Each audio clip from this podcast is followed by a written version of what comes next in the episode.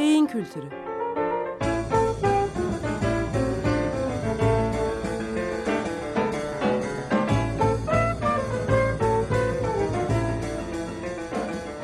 Tarihten, sanattan ve edebiyattan örneklerle beyin.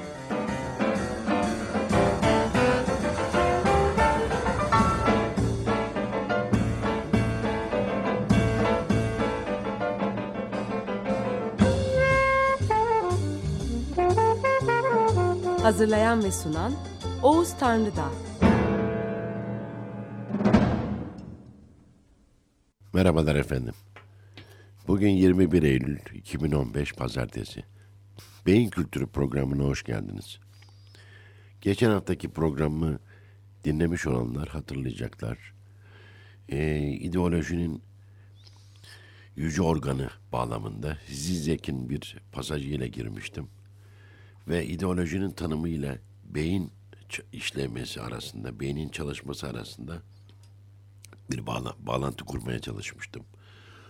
Daha sonra nörobilim gibi e, çok bilimsel bir alanla e, kültürün nasıl son yıllarda ilişkisinin e, kurulmaya başladığını ve dolayısıyla ortaya beyin kültürü gibi hiç duyulmayan kavramların çıktığını da söylemiştim. Programın sonuna doğru da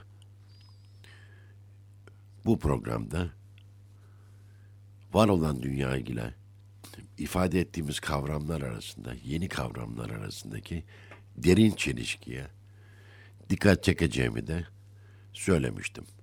Ve ayrıca bunun gerekçesinde demiştim ki eee, bilimsel açıdan, sosyal açıdan ve kültürel açıdan onlu 20'li yıllarla ifade edilen yeni bilgiler, yeni bulgular, yeni adetler insanlığın belki de binlerce yıldır süren davranış eee, alışkanlıklarının üzerine henüz binmedi.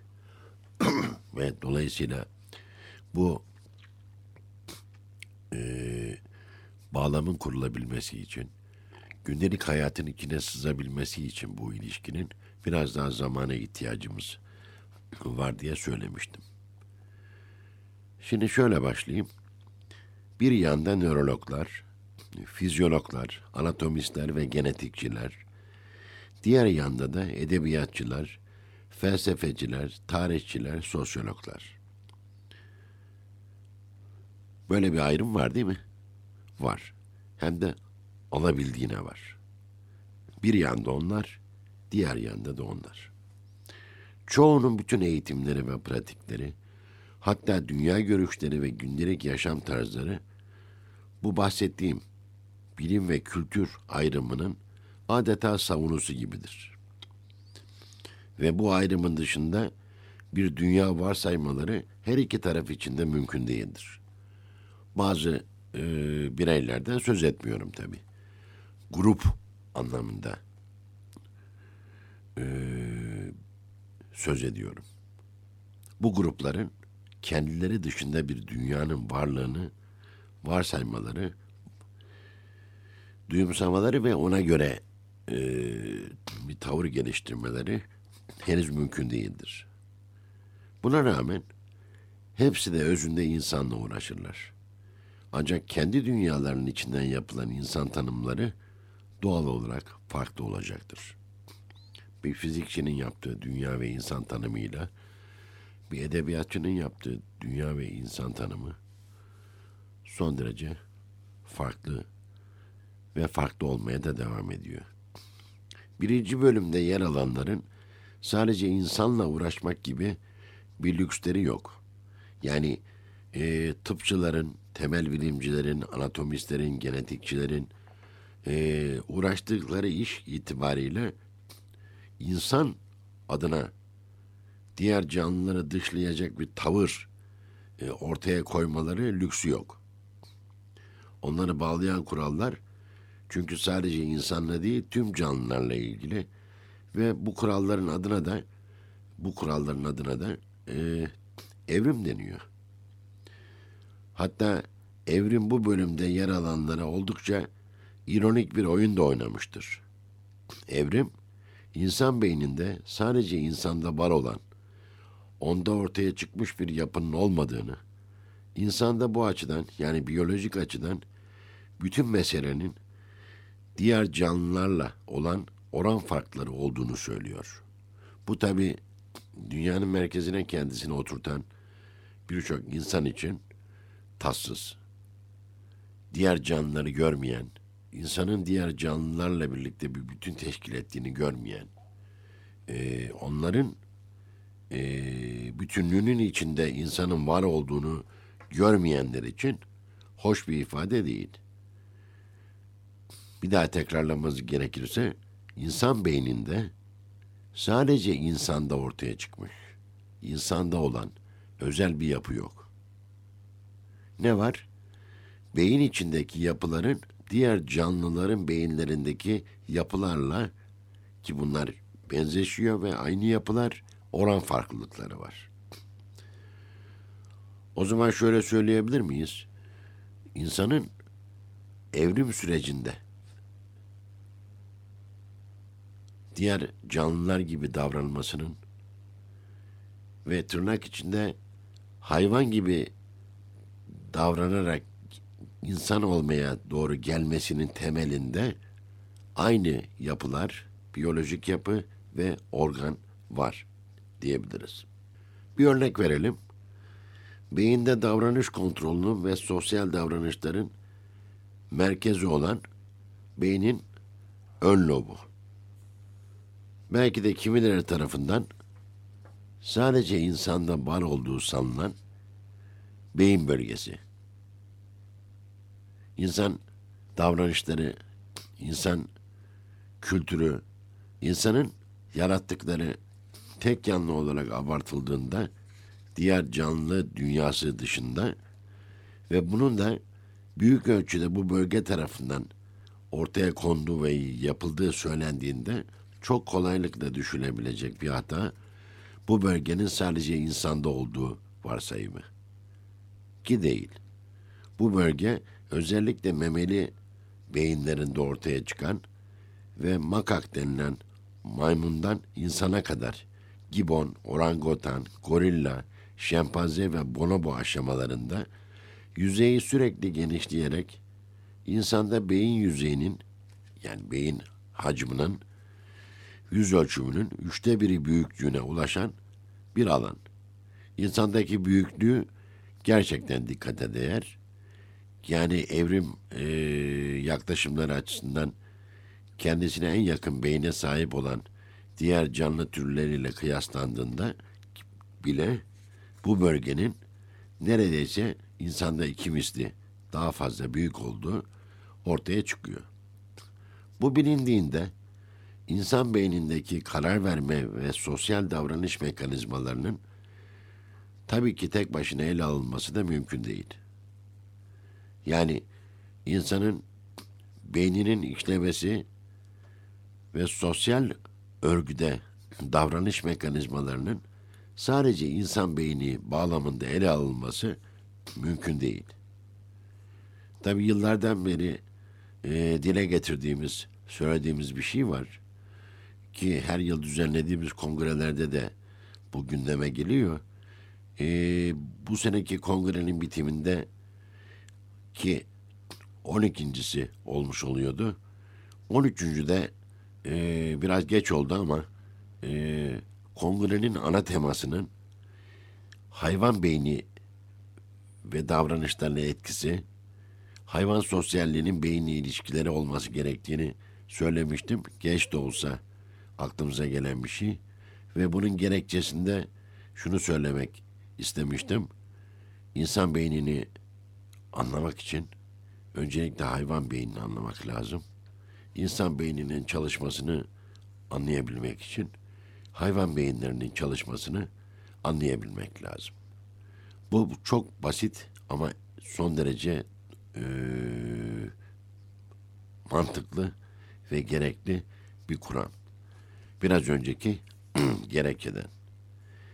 Ortada olan tek şey oransal karşılaştırma.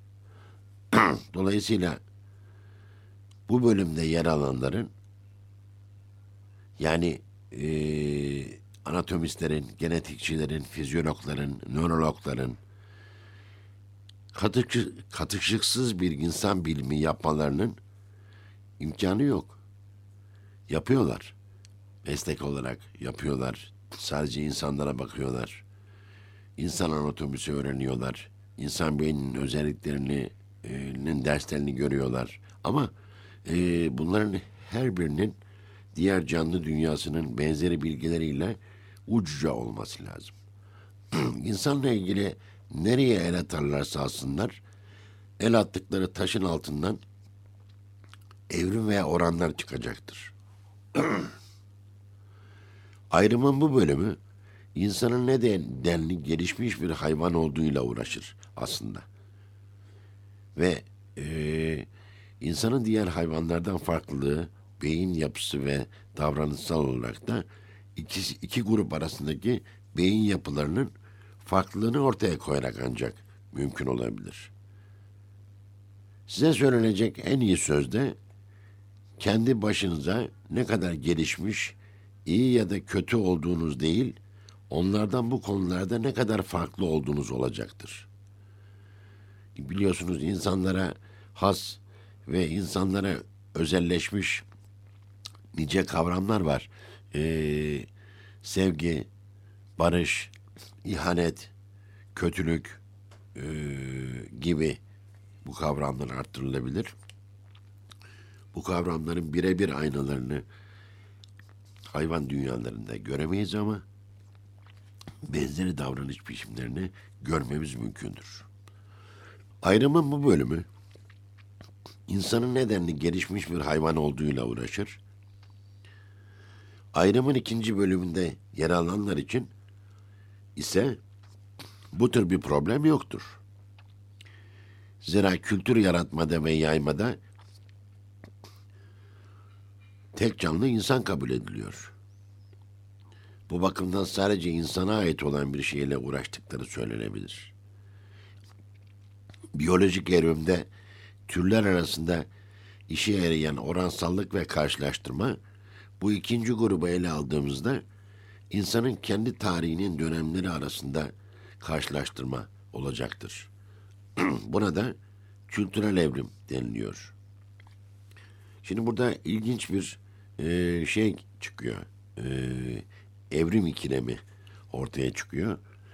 Bu ikilem biyolojik evrimle kültürel evrim arasındaki ikilemdir. Biyolojik evrim belki yüz binlerce yılı e, harcayan, geçirmemize neden olan, yavaş yavaş olgunlaşan bir evrim süreci olduğu halde kültürel evrim insan için 10 bin yıl, 15 bin yıllık bir e, zaman biçiliyor insan için kültürel evrimde. Bu derin zaman farklılıkları, bu deri, derin zaman farklılığı e, biyolojik evrimle kültürel evrimin e, birbirine dolaysız bir şekilde kolaylıkla geçmediğini, biyolojik evrim süreçlerinde harcanan çok uzun zamanların insanın kültür yaratması için beyninin şekillenmesine ancak etki ettiğini ve e, çok geç bir gelişme olduğunu gösteriyor bunun. İkilemin diğer bir yanı da var olan dünyada, var olan şu andaki içinde yaşadığımız dünyada üstlenme meselesi. Yani biyolojik evrim dediğiniz zaman bununla hiçbir biyolog e, karşı çıkması söz konusu değil. Zaten biyolojik çalışmaların temelini oluşturuyor. Ve bu temel e, esnasında şekillenen yapılarda genetikçiler, anatomik, anatomistler ve fizyologlar tarafından e, inceleniyor. Ama biyolojik evrim dediğiniz zaman hiçbir edebiyatçının yani uğraştığı iş açısından biyolojik evrimle bir ilgisi olacağı söylenemez. Nasıl söylenebilir ki? Biyolojik evrimde insana doğru gelişte yaşanan insanımsı tarihlerinde ki bu yüz binlerce yıl e, tutuyor, edebiyata benzer e, bir şey yok. Üretim yok. Karşılığı yok o e, canlı türlerinde. Ancak du- mağaralarda duvarlara e, yaşantı öyküleri çizilmesi bile belki 30-35 bin yıl önceye kadar gidebiliyor. Ondan öncesi yok. Dolayısıyla kültürel evrim dediğimiz zaman var olan dünyada yaş- içinde yaşadığımız dünyada sadece kültürle ilgili e, bilgi dalları bununla ilgileniyor. Ve tabii ki kültürü kültür olarak ele alıyorlar. Ama kültürel evrimin başka bir boyutu var ki o da beyni boy, boyutu. Yani beynin kültür üretmeye başlaması beyinde hangi yapıların gelişmesiyle olmuştur? İnsan beyninde hangi oranların değişmesi kültürel evrimi başlatmıştır? Bu da yeni bilgi türü açısından birinci grubu ilgilendiren bir bilgi türü. Ne yazık ki ikinci grup beyindeki bu oransal değişikliklerle de ilgilenmiyor.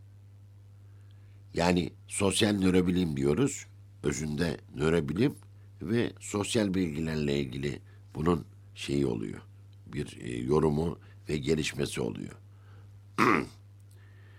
evet, dolayısıyla bu ikilemlerde biyolojik evrim, biyolojiyle ilgili bilgi dallarının, kültürel evrimde kültürle ilgili bilgi dallarının uğraş alanları olmaya devam ediyor. Ancak sosyal nörobilimde her ikisi birden ele alınma şansına sahip. Peki, geleneksel ayrımdan söz etmeye devam edelim. Biri iç dünya merkezli, diğer ise dış dünya merkezli olan ilgi alanlarının herkese doğal gelen bu geleneksel ayrımı doğal olmaktan çok belirli nedenleri ve açıklamaları olan bir ayrımdır. Geçmişten beri bir arada anılmalarına alışmadığımız ancak son zamanlarda ilişkilendirilmeye başlandıklarını gördüğümüz şeylerin ilişkileri gibi nörobilim ve kültür ilişkilerinde de bu tür bir yaklaşımın neden geçmişte söz konusu olmadığını ve neden şimdilerde gündeme geldiğini anlayabilmek için konunun tarihsel, bilimsel ve güncel boyutlarda irdelenmesi gerekiyor. Tarihsel açıdan insanı anlamaya ve açıklamaya yönelik bilgi birikimi süreci belirli bir mantığa ve sıraya sahip. Öyle görüyoruz. Ve bu sıra kronolojik olarak sosyal bilimler, davranış bilimleri ve nörobilim yani bilim ve nörobilim tarzındadır. yani insanı onun davranışlarını anlamakta önce tek başına sosyal bilimler, ardından buna ek olarak davranış bilimleri ve en sonunda beyin araştırmaları anlamaya çalışma işiyle uğraşıyor. Ama neden? Neden sosyal bilimler ilk sırada, nörobilimse son sırada yer alıyor? Davranış bilimleri neden bu ikisinin arasında yer aldı? Bu gibi soruları sormak elbette hiç sormamaktan iyidir. Bu soruları sorarak ansiklopedilere başvurduğumuzda sosyal bilimler tarihinin antik çağı, davranış bilimlerin tarihinin 19. yüzyıl ortalarına ve nörobilim tarihinin ise 19. yüzyıl sonlarına dayandığını görüyoruz. Bu sıralamada yer alan her bilgi alanı hem kendi içinde hem de bir sonrakinin hazırlayıcısı olarak evrimleşmiştir. Diğer bir ifadeyle bu üç alan için verilen muhtemel başlangıç tarihleri aslında sübjektiftir ve birbirlerinden birbirlerinin içinde doğmuş ve gelişmişlerdir. Sosyal bilimlerin gerçek tarihi insanların oluşturduğu ilk toplumların tarihi içinde gizlidir. Sosyal bilimler aynı zamanda davranış bilimlerine duyulan ihtiyacın beşiğidir ve davranış bilimleri de onun içinden çıkmıştır. Bakın, eee, davranış bilimlerinde hakim olan insan açıklamalarının psikolojinin köklerini ve nereden beslendiğini e, irdelediğimizde bunun sosyal bilimler içinden çıkması gerçeği gayet açık bir şekilde ortaya çıkıyor. Şimdi şimdi davranış bilimleri beyin bilimiyle birlikte bir arada anlıyor. O çok daha sonraki bir gelişmedir. Benzer biçimde davranış bilimlerinin gerçek tarihi de insanların normal ve hastalıklı davranışlarının ilk gözlemlerinin yapıldığı tarihlerdir. Yani psikolojinin filan kurulmasından çok çok önceki e, tarih dönemlerine aittir. Davranış bilimleri içinde yapılan bu gözlemlerin teknolojinin imkanlarıyla sorgulanması nörobilimi doğurmuştur. Yani kendisi sosyal bilimlerin içinde doğan ve sosyal bilimlerin yığınlar ve gruplar içinde de için söz ettiği kategorik bilgileri bireye in, aynı inançlarla bireye indirmeye çalışan davranış bilimleri teknolojinin de yardımıyla beyin bilimiyle yeni yeni bir araya geliyor. Nörobilim düşünsel kök, nörobilim ise düşünsel kökleri felsefenin içinde çok eskilerde olmasına rağmen biraz önce söylediğim gibi 19. yüzyıl sonlarında kendi başına ortaya çıkabiliyor. Nörobilimin köklerini tarih içinde yapılan e, bilimsel deneylerde ve bilim bilimin öncülü olan deneylerde aramamız yanlış. Nörobilimin e, köklerini aradığımızda belki 17. yüzyılda başlamış olan bilim tarihinde bunun köklerini bulabiliriz diye bir araştırma söz konusu olabilir. Ama bu yanlış bir araştırmadır. Çünkü nörobilim ve beyin bilgisi öncelikle felsefenin malıdır. Daha sonra nörobilimin malı olmuştur. Dolayısıyla felsefenin içinde biz çok eskilere uzanarak belki de milattan önceki zaman dilimlerine uzanarak beyinle ilgili felsefi denilen ama daha sonraki bilimin doğuşuna zemin hazırlayan düşüncelere ulaşabiliriz. Hipokrat'ın beyin hipotezini hatırlayalım. Milattan önce 5. yüzyılda ifade edilen e, beyin hipotezinde Hipokrat şunu yazmıştır. İnsanlar bilmelidirler ki tutkular, zevkler, gülme, spor yapma, üzüntüler, pişmanlıklar, bağımlılıklar hepsi ama hepsinden be, hepsi beyinden başka bir şeyden kaynaklanmazlar. Ancak bu yolla biz beceri ve bilgiyi kazanabilir, görür ve duyar, neyin yanlış, neyin doğru olduğunu anlayabilir, neyin iyi, neyin kötü, neyin tatlı, neyin acı olduğunu bilebiliriz. Ve aynı organ yüzünden deli, korku dolu ve kendine güvensiz hale gelebiliriz. Biz bunlara ancak beyin sağlıklı olmadığında sahip olabiliriz. Bütün bunlar beynin aşırı bir faaliyetiyle ama istenmeyen bir faaliyetiyle mümkün olabilir. Değerli dostlar, ee, bugün için yani 2015 yılında beyin hangi işlevlere sahiptir, ne tür özelliklere sahiptir diye bir soru sordum, sorup şu paragrafı okusam, aynen birebir ekleyecek tek bir cümle olmadığını düşünüyorum. Yani milattan önce 5. yüzyılda ifade edilen, Hipokrat tarafından ifade edilen bu beyin düşüncesi, bu paragraf üzerinde uzun uzun konuşulacak ve tarih boyunca da e, uzun süre unutulmuş, daha sonra felsefeye, bilim adamlarının felsefeye merakı yüzünden ulaşılmış ve bugün içinde bize ana düstur olarak yön gösteren bir önemli düşüncedir. Gelecek programımda Hipokrat'ın beyin hipotezinden başlayarak bunun günümüz beyin anlayışı açısından ne ifade etmekte olduğunu söyleyeceğim. Hoşçakalınız.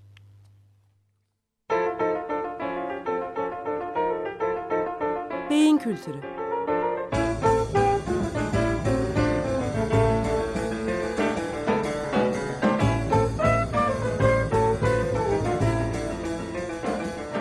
Tarihten, sanattan ve edebiyattan örneklerle beyin.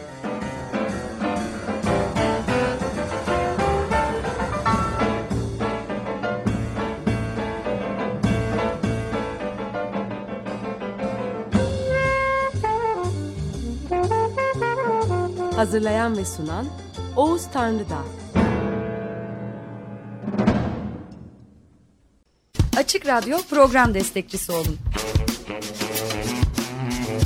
Bir veya daha fazla programa destek olmak için 212 alan koduyla 343 41 41